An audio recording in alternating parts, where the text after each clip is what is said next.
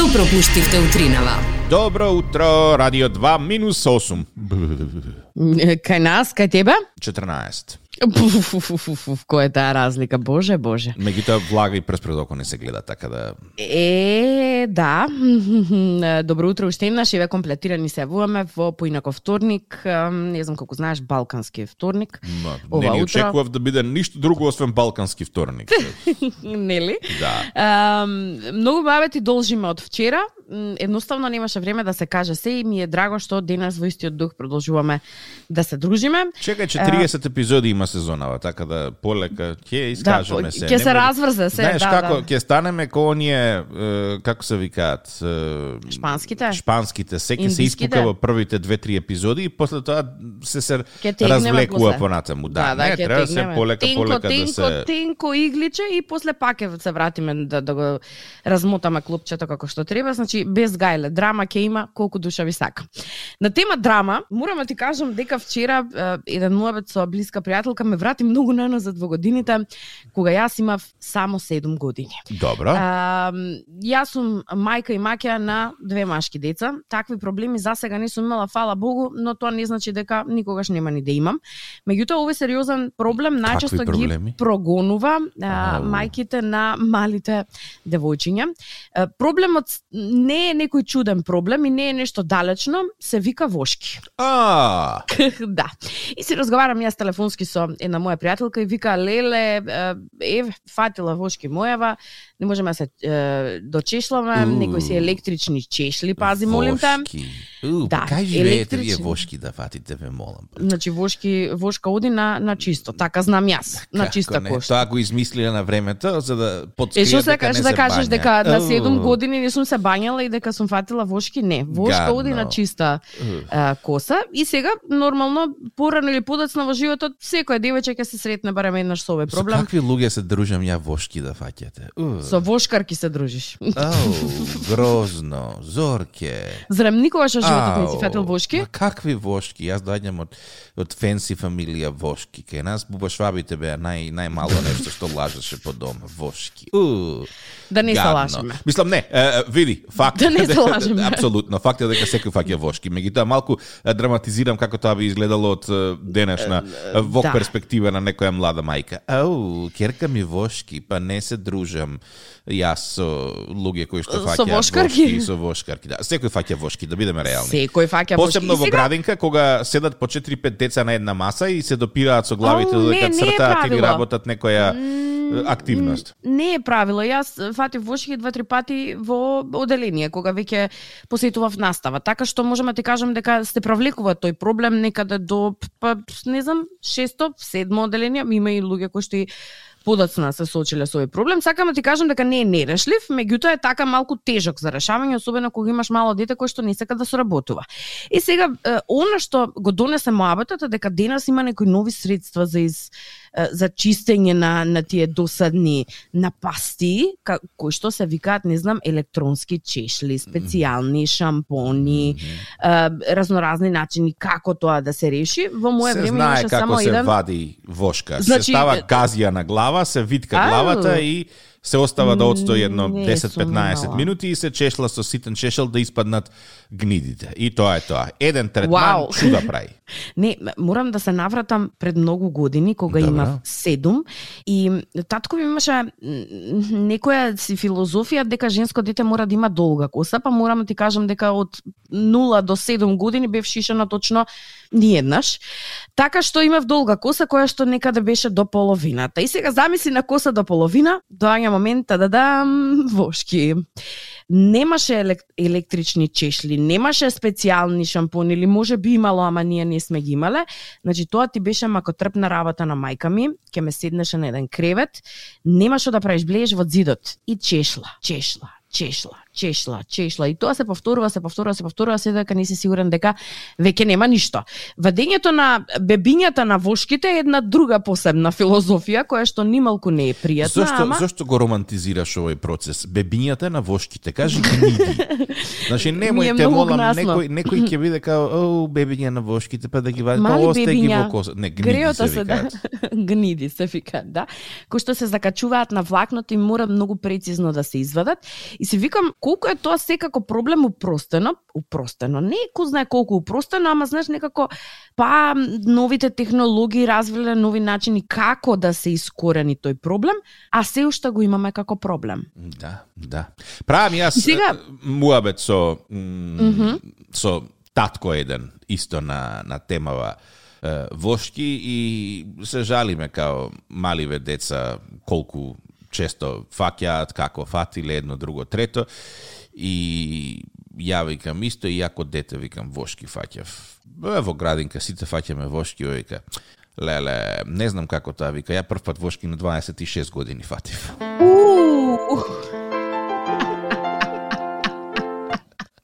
Ова ми требаше. Океј, кој свати, свати. Будење сон, тик-так и зорга.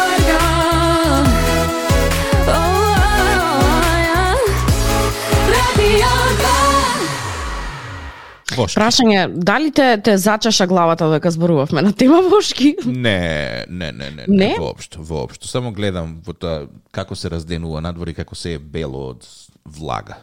Инаку добив а, две пораки на теми вошки, најхрабрите пиша.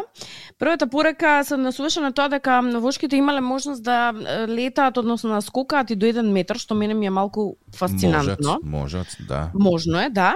А другото прашање е, го постави наш слушател, вели, Зорке, што род се вошките и гнидите? И се што род, дали прашува да му прочитам како на латински како се викаат или дали се машки и женски? Не знам. А ако ме прашува како се викаат на латински, се викаат педикулус, е, капитис, добро. Ајде уште еднаш, целото сега, слеано. Значи, Ајде слеано. Педикулус хуманус капитис. Ту, Капитис, извини, Ајде сега целото. Хуманус, капитулис, пит. Педикулус хуманус капитилис. Ете затоа никогаш не ме влечеа странски јазици. Инаку вели дека се мали инсекти без крила цицаат крв од главата, нивната боја е различна од белузлава, не сум видела бела вошка, до кафеава и А, тие се црвеникава посебни, само кај посебни деца одат белите. Да, кај срекни деца. Добро. Живеат само кај луѓето, ако се отстранат од главата, умираат обично во рок од 24 часа. Вика вошките не скокаат, но може да ползат при што се пренесуваат од глава на глава. Ете ти сега. Ајде, сега, народски не- верувања versus наука. Ама многу интересна работа. Во животот на вошката постои женска вошка што е далеко поголема и машка вошка. Хм. Вели, после третото митарење вошката е возрасна, женката и малку помалиот мажек почнуваат да се размножуваат. Значи, сепак на вошкава и треба маш за да изроди толкаво стадо гнид. Без маж никој ништо не прави Ништо, зорке. Тоа да. требаше да се Многу- свати одамна, ама Да, да, да. Откако проживеала, вошката умира од само 32 до 35 дена. Толку е животот на вошката. Еден месец. Добро. Не знам, месе значи, се чуда прави. Да, да, да, да, да се раѓа на, на нултиот ден. Од нула 0 до 6 дена, односно 7 дена е гнида или бебе вошка, па потоа а, се митари два дена после излагување од јајцето. Значи, веќе после два дена е, таа е во, во репродуктивна состојба да создаде едно стадо вошки, да ти направи таков проблем да се чудиш никако да не можеш да се очистиш. Најмногу се размножува 15-тиот до 32-тиот ден, кога на 32-тиот, односно 35-тиот ден, незиниот живот ќе заврши. Леле, колку сме едукативни ова утро. А, друго мене ме... Дека ваков е животниот век на вошката и многу се радувам дека да, имаат и пол, машки и женски. Е, тоа мене ме е, мачи во моментов. Како се Како вика, се вика машката, машката вошка? Вош. Вош. А како се вика бебе вошка, ако не е гнида? Вошкиче. facebook.com коса црта тик-так и зорка. Чекаме коментари. Добро утро. Добро утро. Тик-так и два.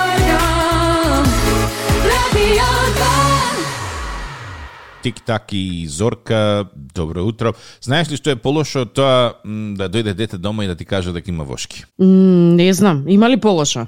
Кање Вест да си ги извади сите заби. А, ман, што му текна сега? Само стресови. Само стресови на човек да му правите. фейк е, излезе дека е информацијата дека Kanye West си ги извадил сите заби за да стави титаниумска протеза и да изгледа како оној типот со железни заби од е, филмовите. Негативецот, не знам дали го знаеше да не што само вака прави и тепа луѓе. Не, не знам, ама не би ме чудело со оглед на тоа што знам дека името си го промени едно време. Да, не не едно време се уште, значи ние го викаме Kanye West, ама е, сака да го викаат Је. Е, помина тој воз, која сакавме, кој требаше да го учиме кое што е како е. Кање си е кање и сега нема пупу не важи сега ново ќе биде. Мислам, Да, види, не, не е Kanye Македонија, па секоја година ново име да има. Изминатиот период доста беше активен. Ја некако поише го знам по скандали, а не толку по, по песни. Седнав да преслушам некои песни, да бидам во мода со новиве дечки, со новиве млади луѓе кои што го слушаат, ама некако дали сум јас премногу веќе возрастна за неговата музика или Си, си. не- некако не, не нема иста вибрација, така што го одминав тоа, ама просто ме изненади ако и ова со титаниумските заби испадна дека е фейк нјуз, а некој намерно го има пишано чисто за да ги представи тие титаниумски заби, јас се сумнам дека тоа е некоја фирма која што изработува титаниумски протези, за да ги испопуларизира, се прашувам дали здравите бели заби замина во е, демоде историја. И како е можно здравите бели заби да се демоде? Па, Мислам, едно време знам дека луѓе ставаат циркончиња на вториот, на првиот зап, нели она мало ситно како камче? да блеска. Па камче ли е, цирконче ли е, не знам што е мода која што реално не знам, воздржана би била, не не велам дека ми се допаѓа, не велам дека не ми се допаѓа, но добро во ред. Па едно време гледам дека става златни заби овие Холивуд ти кажам кај нас. Бабите ставаат златни заби одамна. Ама Холивуд нели става златни заби, втор доле, трет долните заби само еден горе, еден доле. Па тоа кога помина во мода излега оние третите, како се викаат кучешки во наводници заби, оние што се полови се качите. Добра. Тие да бидат ептен подолги, демек вампирски. Де- Пари да дадам за да ми смета да не можам да се изразам како што треба, окей? Добро. Тоа беше во мода, па не знам следно што дојде, ама сега дека мода е да се вадат заби, да се става титаниумска е, протеза, јас сум веќе без текст. Да, не мора да користиш забен конец, помиењето на забите, не знам дали треба да ги миеш титаниумски, па вајда треба, сигурно треба да ги миеш некако да ги одржуваш хигиена. Меѓутоа, како ќе джвакаш? М, Па нема да джвакав со тоа кинеш храна Шо? и тоа е тоа. На смути ќе живееш. Па на смути, што Прекрасно. Торта роденданска смути ако може за мене.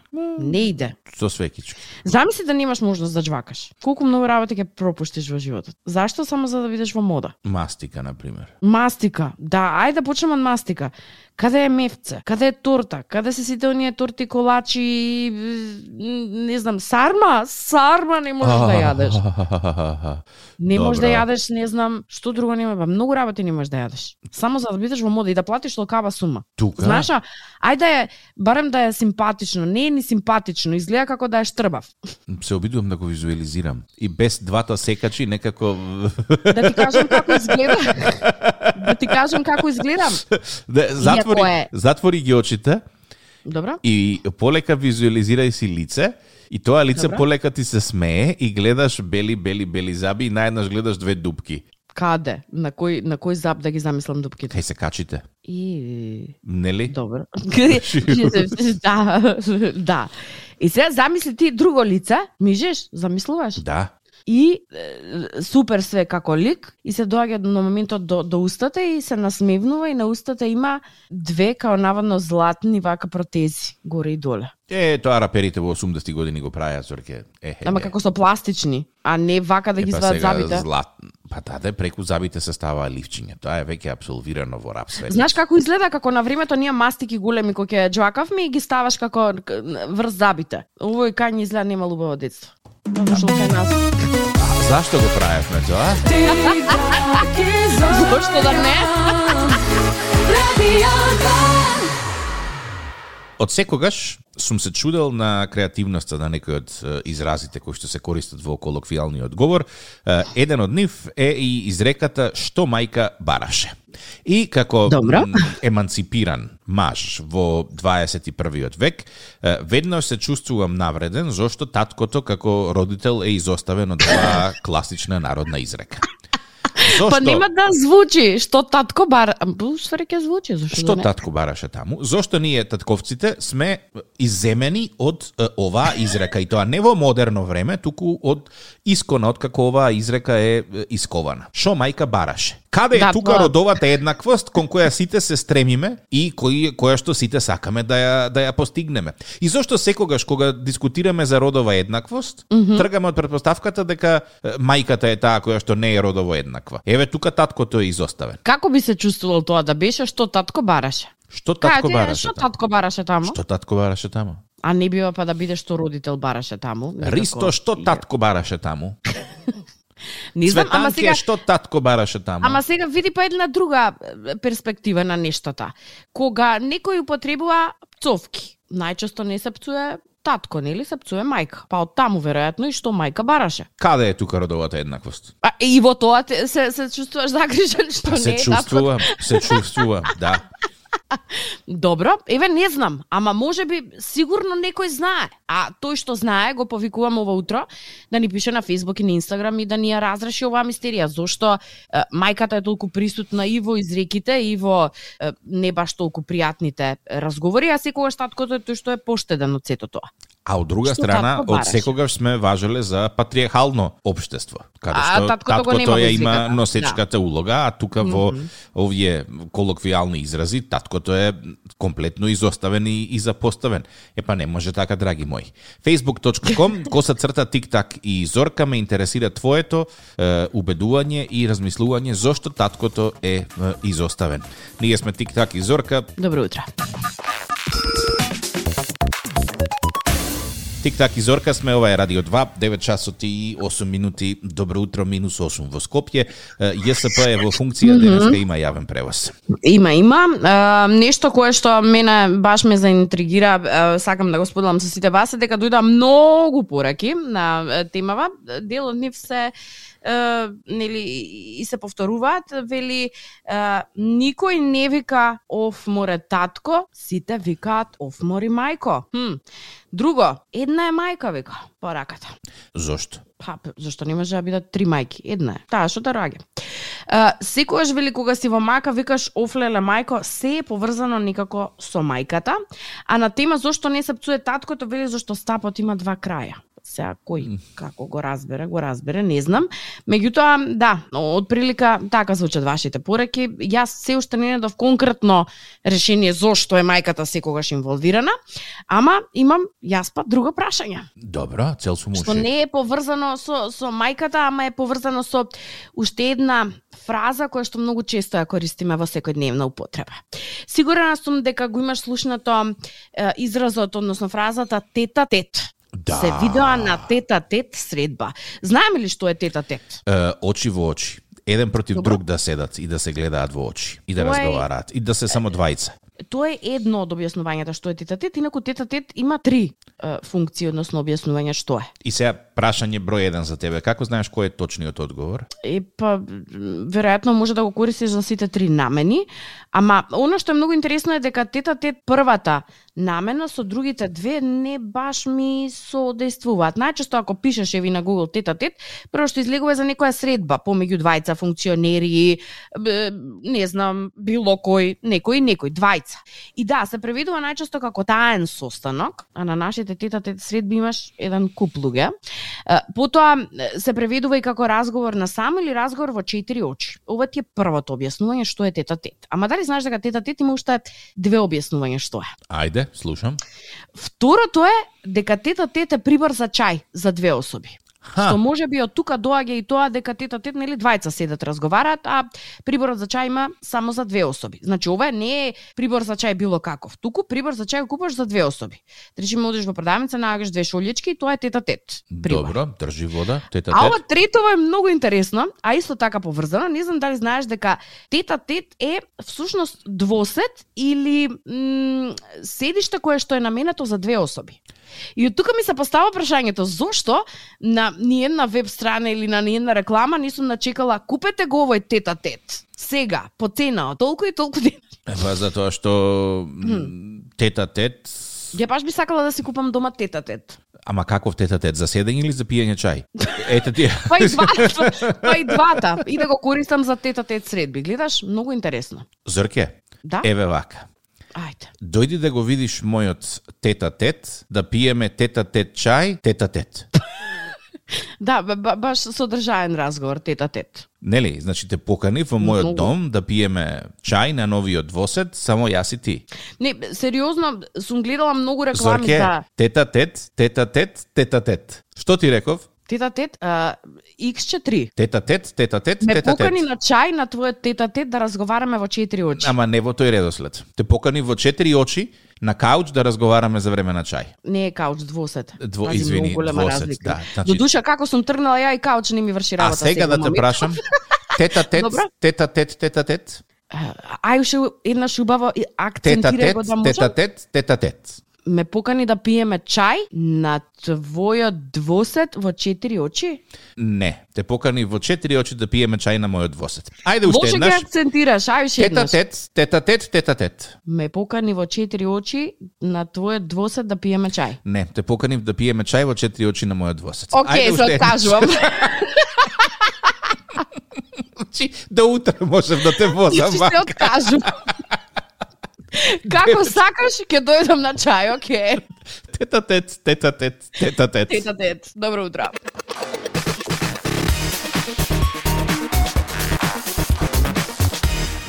Се надевам дека ќе имате убав ден, независно од тоа што е многу студено надвор.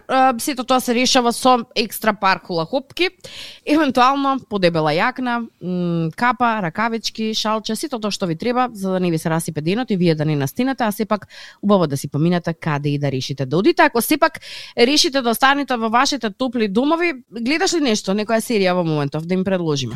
А, само што завршив со гледање на uh, Brothers Soon. Тоа е некоја Soon. Soon, да, mm Sun. Sun. Тоа е некоја тајванско-корејско-англиска Ау. копродукција, а, која Добра. што во последно време ме изненадува. Значи има А. Боречки вештини, Б. Добро осмислена приказна, С. Три твиста кои што ќе те остават без зборови и Д. Многу хумор. Значи, е, нешто што го изгледа во три дена, три седнувања. Малтене, топло го препорачувам.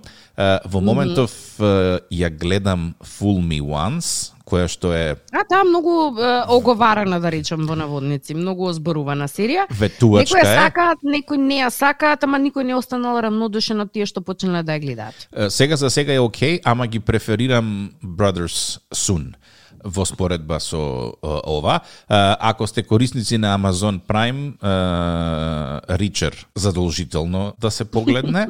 И од она што Netflix го нуди, почнав да гледам вчера нешто германско со мајка и дете кои што се жртва на сообраќајки, ама почна така малку чудно, ама право ти кажам ме завлече, мислам дека се вика Dear Child или нешто слично. Тоа ми е малку траурно за мој вкус. Малку е травно за твој вкус, да, ама така те остава на на на на на на на на На edge, стендбај. на стендбај, да. А, Што ќе се случи? Друга страна со нетрпение очекувам да излезе трейлерот за Три тела, кој што е направен врз основа на научно-фантастичен роман од еден кинески писател Ченг Вуи, мислам дека се вика, кој што почнав да го читам пред 4 дена и со нетрпение сакам да ја видам серијата за да ја споредам со книгата. Во последно време тоа ми е една од поинтересните занимации.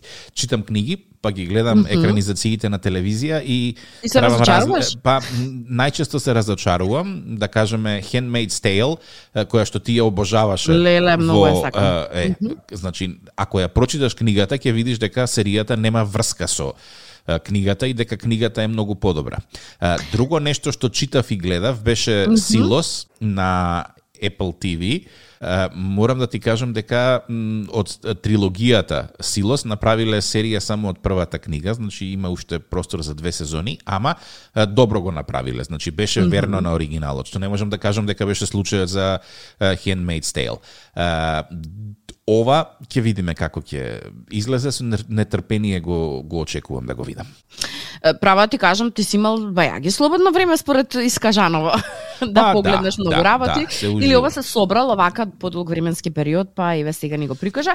Интересни наслови. Тета, тет, На- ти кажам. Тетате, да. Интересни наслови на, на многу серии кои што ги погледна. Една која што сега на големо се озборува е American Horror Story, True Story, нешто така се Тоа е викаше. старо. Не, сега е нова а, серија, документарна серија од три епизоди, која што излезе пред недела или две, може би грешам, па правете ама ако грешам. Е, многу мина ја пофалија, па ако ви се гледа нешто така малку по-траурно, ете што може да гледате. Од друга страна, јас сум љубител на оние кратки 20 минутни епизоди е, и долги серии од по 10 на 12 е, сезони, каде што можам апсолутно да се приврзам со ликовите. Оно што јас во последно време го гледам е Modern Family. Долго време ја одложував и сега почнав да ја гледам, права ти кажам, едноставно на вистина, ми го поправа денот, гледајќи ги изгодите и назгодите на едно модерно семејство во Америка. Така да, еве ви многу предлози за овие студени денови, кога и не мора па надвор да седите, едноставно поминете го времето во кругот на најблиските, топлете се, кебенце, филмче, серија, еве може или некоја книга, се разбира, ние сме отворени за вашите препораки, се на што ви се допаѓа или ви оставило печаток, може да го споделите со нас. Има и убав ден, се слушаме утре. Се слушаме утре. Чао! На Радио 2, секој работен ден од 7.30. Будење со Тик-так и Зорка. Во случај на неконтролирано смеење и симптоми на позитивно расположение, консултирайте се со вашиот лекар или фармацевт.